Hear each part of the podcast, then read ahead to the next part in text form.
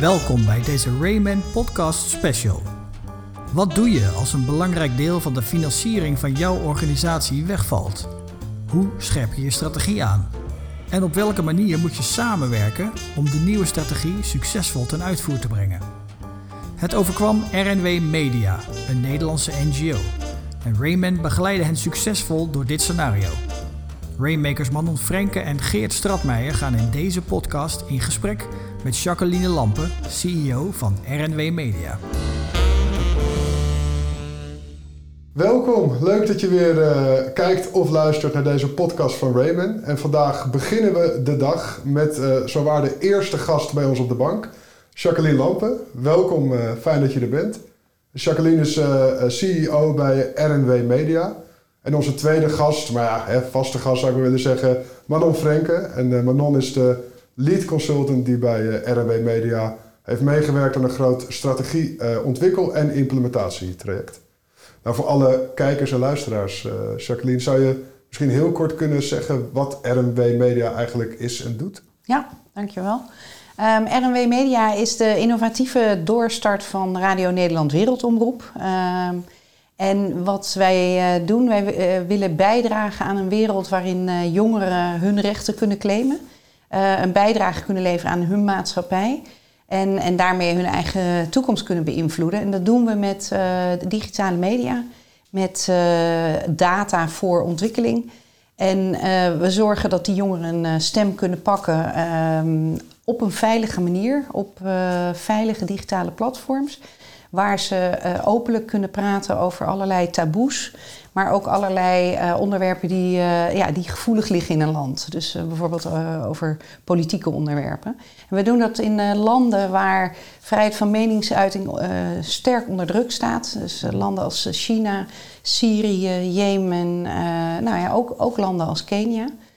En daarmee bereiken we miljoenen jongeren per jaar. En bereiken die jongeren weer hun leeftijdsgenoten.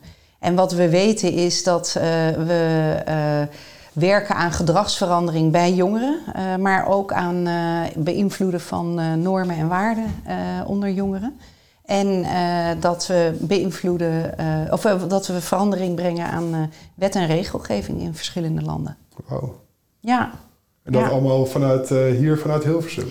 Dat, vanuit Hilversum uh, coördineren we en faciliteren we het. Uh, maar we werken met uh, lokale mediamakers. Zij weten wat er nodig is in een land. Ja. Zij weten wat de behoeftes zijn van jongeren. En zij weten ook hoe je dus over dat soort onderwerpen kunt praten. Op een relatief veilige manier, maar wel met uiteindelijk impact voor ja, gedrag en, en wet en regelgeving in een land. Gaaf. Ja. Mooi bedrijf Ja. met een mooie ambitie, zou ik Ja. zo zeggen. Ja. En zou je eens eh, kort kunnen aangeven over wat het de aanleiding was dat je met, eh, met Raymond bent gaan, eh, gaan samenwerken? Ja, Ehm, 2020 was voor ons een heel belangrijk jaar. Het was een jaar waarin de financiering van het ministerie van Buitenlandse Zaken tot een einde werd gebracht. Eh, dus het, het laatste jaar waarin we van hen nog geld kregen. En dat betekende dat we echt eh, wilden kijken naar eh, wat is onze strategie wat is onze richting uh, die we in 2016 hebben ingezet? En uh, willen we die aanscherpen of is dit uh, voldoende? En hebben we voldoende geleerd en geïmplementeerd in de afgelopen jaren? En als wij een, de strategie aanscherpen, wat is dan de organisatie die we daarbij nodig hebben? En wat uh, is het uh, ja, organisatiegedrag uh, wat we daarbij nodig hebben om die strategie echt ja, effectief verder te kunnen brengen? Ja, en toen dacht je van laten we hier Raymond eens bij gaan roepen. Ja, nou dat is, dat is een proces geweest. Uh, we hebben gekeken naar uh, een, een, ik geloof een viertal uh, consultants. Ja. Eén Pieters en, en nou consultants zoals Raymond. En daar hebben we met allerlei collega's van allerlei verschillende landen een selectieproces ingezet. En daar is Raymond uh, uit naar boven gekomen als uh, verreweg de nummer één. En dat was met, uh, wat was het, een, een, Chinese collega en een collega uit Egypte en een Spaanse collega. Dus we, we, hebben wel echt gezocht naar een divers team om deze selectie exact, ja. door en, te en vanuit al die verschillende nationaliteiten is er gekozen om met Raymond samen Ja. deze opdracht Ja. te gaan doen. Wat Ja. gaaf. Ja, ja. Leuk hè? En Manon, jij bent de lead consultant geweest vanuit Raymond in dit hele traject. Zou jij eens kort iets meer kunnen schetsen over hoe dit traject precies, of precies, maar hoe dit traject verlopen is bij RMW Media? Um, ja, eigenlijk de, de vraag die wij kregen van RMW Media was: help ons bij het updaten van de strategie. En dan inderdaad te kijken naar welke beste, hè, wat is de structuur die daar dan bij hoort. En, en, en cultuur, hè, gedrag mhm. eh, wat erbij hoort om, om de strategie te versterken. Um, en, eigenlijk, uh, en, en onze rol daarbij was eigenlijk met name het proces begeleiden. Dus wij zijn niet daarin de, de inhoudelijke experts. Dus wij hebben het zo ingericht samen dat we samen met een sterk intern team uh, het proces begeleid hebben. En het proces begeleid in de zin van uh, inclusiviteit, dus, dus workshops georganiseerd waar mensen uit allerlei landen en ook uit Hilversum zich op konden inschrijven om input uh, aan te leveren. Um, en wat daarbij interessant was, denk ik, was in de eerste weken werd al vrij snel duidelijk ook door interviews met externe partijen, met partners en uh, met een aantal donoren. Uh, dat, dat het eigenlijk al verder ging dan het updaten van de strategie. Maar dat het eigenlijk het aanscherpen was ook van de stip op de horizon. Van waar willen jullie nou naartoe? Mhm. En welke strategie hoort dan dus bij? Dus eigenlijk de opdracht werd nou ja, vrij snel al... Uh, nou, niet, niet omgedraaid, maar ja, verbreed eigenlijk. Ja. Um, waardoor uiteindelijk echt een, een veel scherpere uh, ambitie is uh, gekozen en een veel scherpere strategie voor de komende jaren. Um, en die hebben we vervolgens ook, uh, daar hebben we zeg maar advies op gegeven van welke structuur zou daarbij horen. Zowel hard als zacht. Hè? Dus het, het, plaatje van hoe werk je dan samen, hoe wordt de manier van besluitvormen, et cetera. Maar ook nou ja, echt gedrag, meer accountable gedrag, meer eigenaarschap. Um, naar beneden, om het zo maar te zeggen. Veel meer trust-based werken in plaats van controle en in plaats van hiërarchie. En dat, uh, dat hebben we dus, dus nou daar hebben we ook het MT vervolgens in begeleid.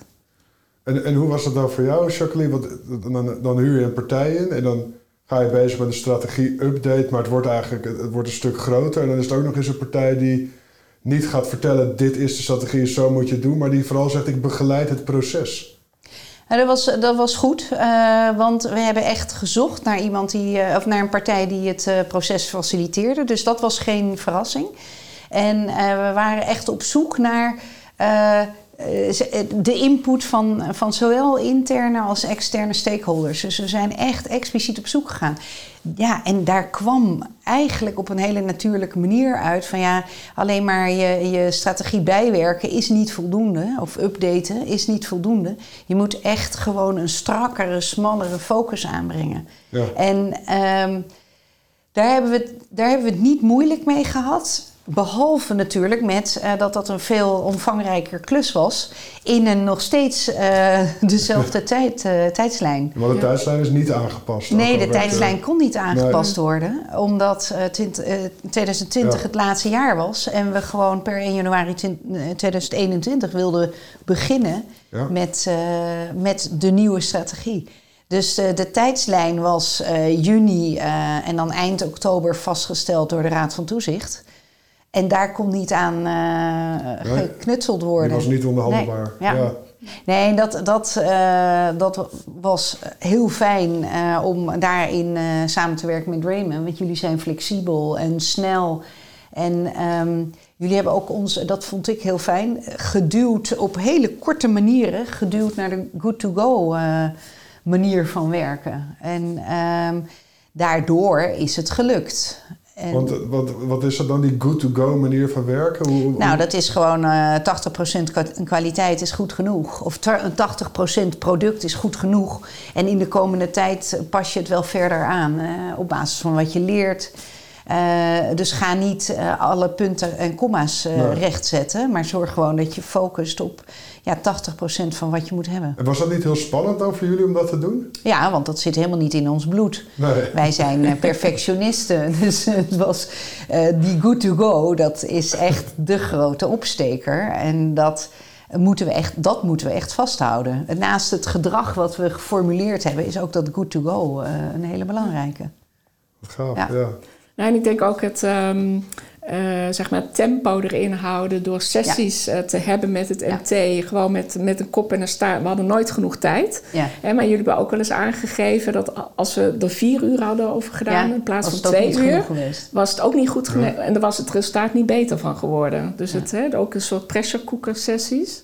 Dat, ja, ehm, ja, daar, daar moesten jullie ook wel aan wennen, merkte ik. Ja. Maar dat, dat werkte wel uiteindelijk. Ja, want dat is een hele andere aanpak. Normaal heb je, of tenminste normaal, in de, in de consultancyprocessen die, uh, die ik in ieder geval heb gedaan, had je altijd, uh, ja, dan ging je twee dagen bij, op de hei zitten en dan liep je overal doorheen. En dat kan dan nog steeds op een inclusieve manier met, met uh, verschillende mensen uit verschillende teams. Maar uh, dan, dan, besteed je twee dagen aan een strategieproces. Mhm. Terwijl we nu werkten met inderdaad sessies van twee tot drie uur. Wat heel goed is, want dan kan je ook tussendoor reflecteren. En ja, en, uh, ja uh, vernieuwde inzichten krijgen die je dan in de volgende sessie weer kunt binnenbrengen. Ja, dus eigenlijk zeg je, voor ons was het, het good-to-go werken was, was een mindset change ook. Oké, okay, 80% en dan in, vervolgens in het proces verder optimaliseren volgens mij zeggen jullie ook samen van doordat we het heel erg geframed hadden binnen korte tijdsblokken, we hadden eigenlijk nooit genoeg tijd, maar dat hebben we als ons voordeel gebruikt. We hadden maar twee uur, daar moesten we het doen. Maar doordat je telkens korte blokken had, kon het ook weer even indalen, kon je reflecteren en vervolgens kon je weer die reflectie gebruiken in de volgende sessie. Dat waren goede dingen. Zijn er nog andere dingen die jullie echt als, waarvan je zegt, ja, dit was echt waanzinnig en dat heeft ervoor gezorgd dat we succesvol zijn geweest? Ja, um, we wisten dat we moesten kijken naar strategie, structuur en cultuur. Uh, dat wisten we, want dat hadden we ook van anderen wel uh, gehoord. Mm -hmm. Maar wat, we, wat de opsteker is, uh, is dat we met jullie die cultuur zeg maar, echt concreet hebben gemaakt. Hè? gedrag. En dat gedrag benoemd en uitgekleed van wat betekent dat dan, uh, een trusting uh, mindset. Wat betekent dat in verschillende uh, gedragsvormen? Wat moet je dan van elkaar kunnen verwachten of kunnen zien? Mm -hmm. En wat betekent, betekent het accountable personal leadership? Wij zijn in de de taal bij ons in de organisatie is Engels. Dus okay, vandaar ja. dat ik het lastig vind om dat te nee, vertalen. Maakt niet maar, um, maar dus niet alleen maar grote, grote uh, containerbegrippen, maar echt ook concreet maken wat, het, uh, wat dat dan uh, betekent. En gedrag koppelen aan. Uh, je kan een strategie alleen maar effectief implementeren als je ook het, bij, of het bijbehorende gedrag hebt in de organisatie. Ja. En dat was, dat was wel een les over de afgelopen vier jaar. Maar uh, om dat zo concreet te maken, dat, is, dat was voor mij een derde uh, ja, opsteker. Ja, ja want dat, dat zie je vaak natuurlijk. De, de, strategie ontwikkelen kunnen we allemaal. En dan gaan de kernwaardes en dat soort dingen aangekoppeld. Maar het concreet maken en wat zie ik je dan op alle lagen doen in de ja. organisatie. Ja. Dat is er eentje die dat natuurlijk brengt. En wat, wat we eigenlijk ook wat we gedaan hebben, is ook in het eerste stuk waar we het met name over strategie hadden, kwam natuurlijk al best wel veel ja. gedrag naar voren. Van hoe het anders zou moeten. Of mm -hmm. waar mensen tegenaan liepen of waar het MT tegenaan liep. Dus dat hebben we ook wel steeds in ons achterhoofd gehouden. Hè? Nog niet toen expliciet gemaakt of expliciet benoemd.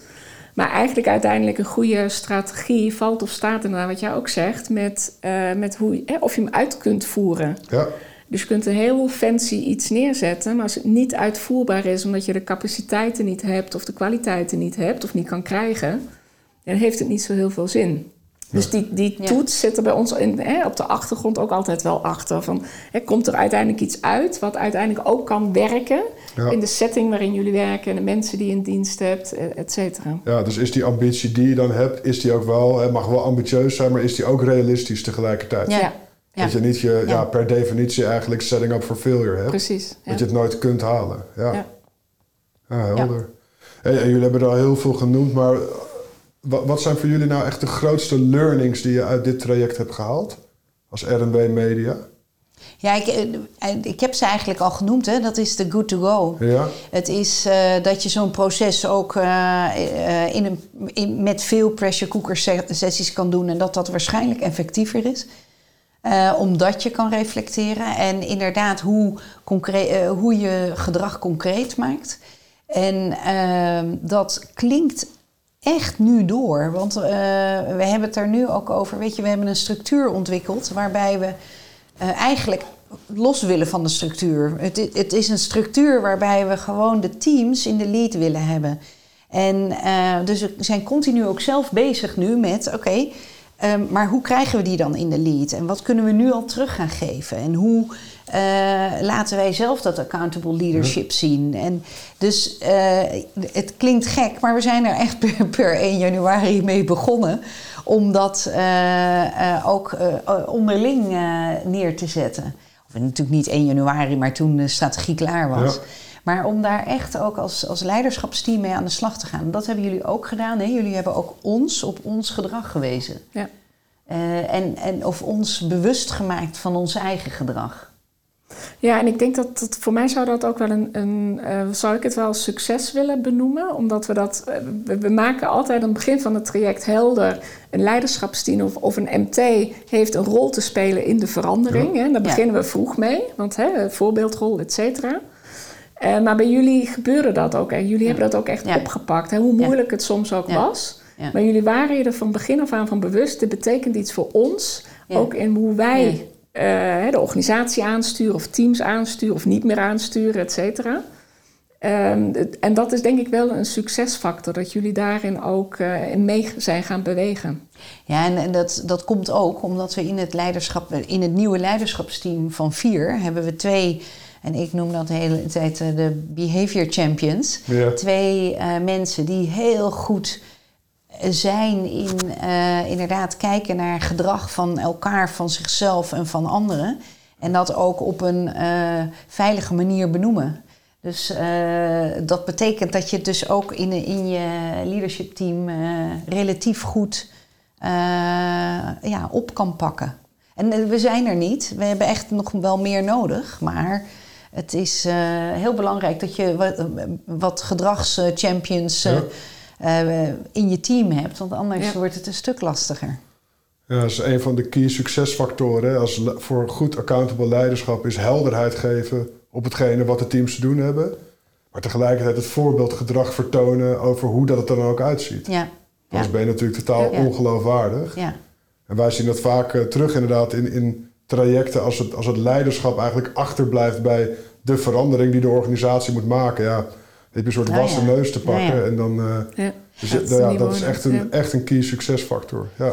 Het is wel interessant wat jij zegt, want um, in onze organisatie was er een, een, een uh, mechanisme dat iedereen alle moeilijke dingen voorlegde aan het MT voor, voor de strategie, ja. maar ook daarna.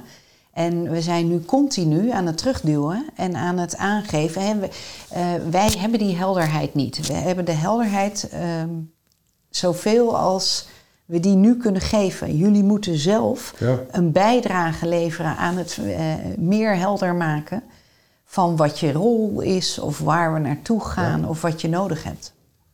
Dus zo verhoog je de hele helderheid in de organisatie. Ja. Mooi. En als je nou eens nadenkt over zo'n traject, want jullie zijn nu, nou, zijn, eind december waren jullie klaar geloof ik, half december. En nu zijn je per 1 januari officieel begonnen.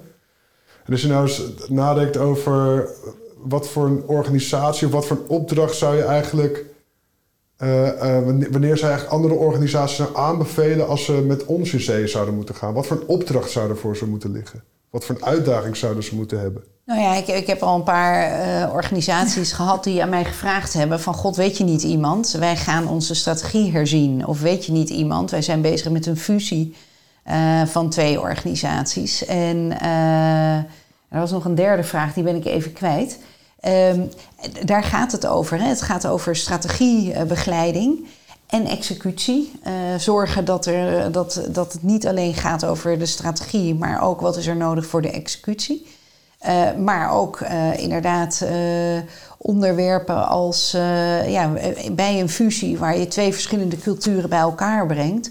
Hoe kan je dat op een goede manier faciliteren?